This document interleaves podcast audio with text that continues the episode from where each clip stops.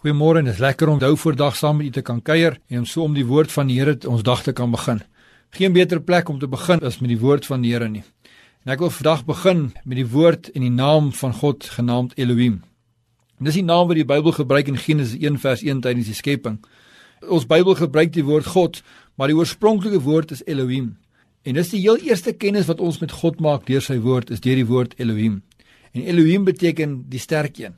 En as die woord van die Here kyk na die skepping, dan verwys hy na Elohim en die Skepper wat uit chaos iets kan skep.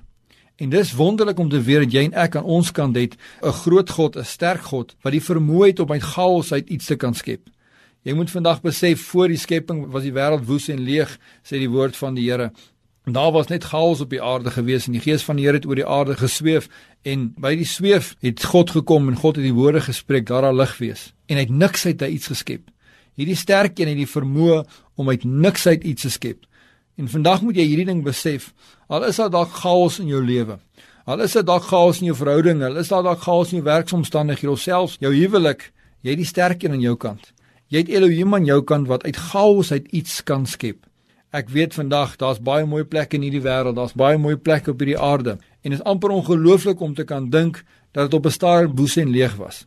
Dis baie keer ongelooflik om te dink dat hierdie aarde wat jy en ek so na toe kyk en mense baie geld aanspandeer om die wêreld te sien en die wêreld heel rond te reis, is eintlik fantasties om te dink dat dit chaos was totdat God gekom het, Elohim, die sterk een gekom het. En wat hy gedoen het, hy het oor hierdie aarde gesweef en het van chaos iets pragtigs gemaak. Partykeer gaan jy en ek en is ons lewe in chaos en partykeer is jou werksomstandighede in chaos, partykeer is jou huwelik in chaos. Waar jy ook al is, ek het vir jou goeie nuus vandag. Elohim is vandag saam met jou. En jy moet weet vandag waar jy ook al loop, of dit in oorwinning is of dit in chaos of in hartseer is of in blydskap is, jy moet weet die sterk een stap saam met jou en hy het die vermoë om dit wat jy dink vandag chaos is, te verander in 'n pragtige skepping. Hy kan chaos vat en iets moois daarvan maak. Kom ons bid saam. Here, daar is geen beter manier om hierdie dag te begin as om die dag en week op te dra aan Elohim, die skepper van pragtigheid chaos. Skep vandag, Here, uit chaos iets pragtigs in Jesus naam. Amen.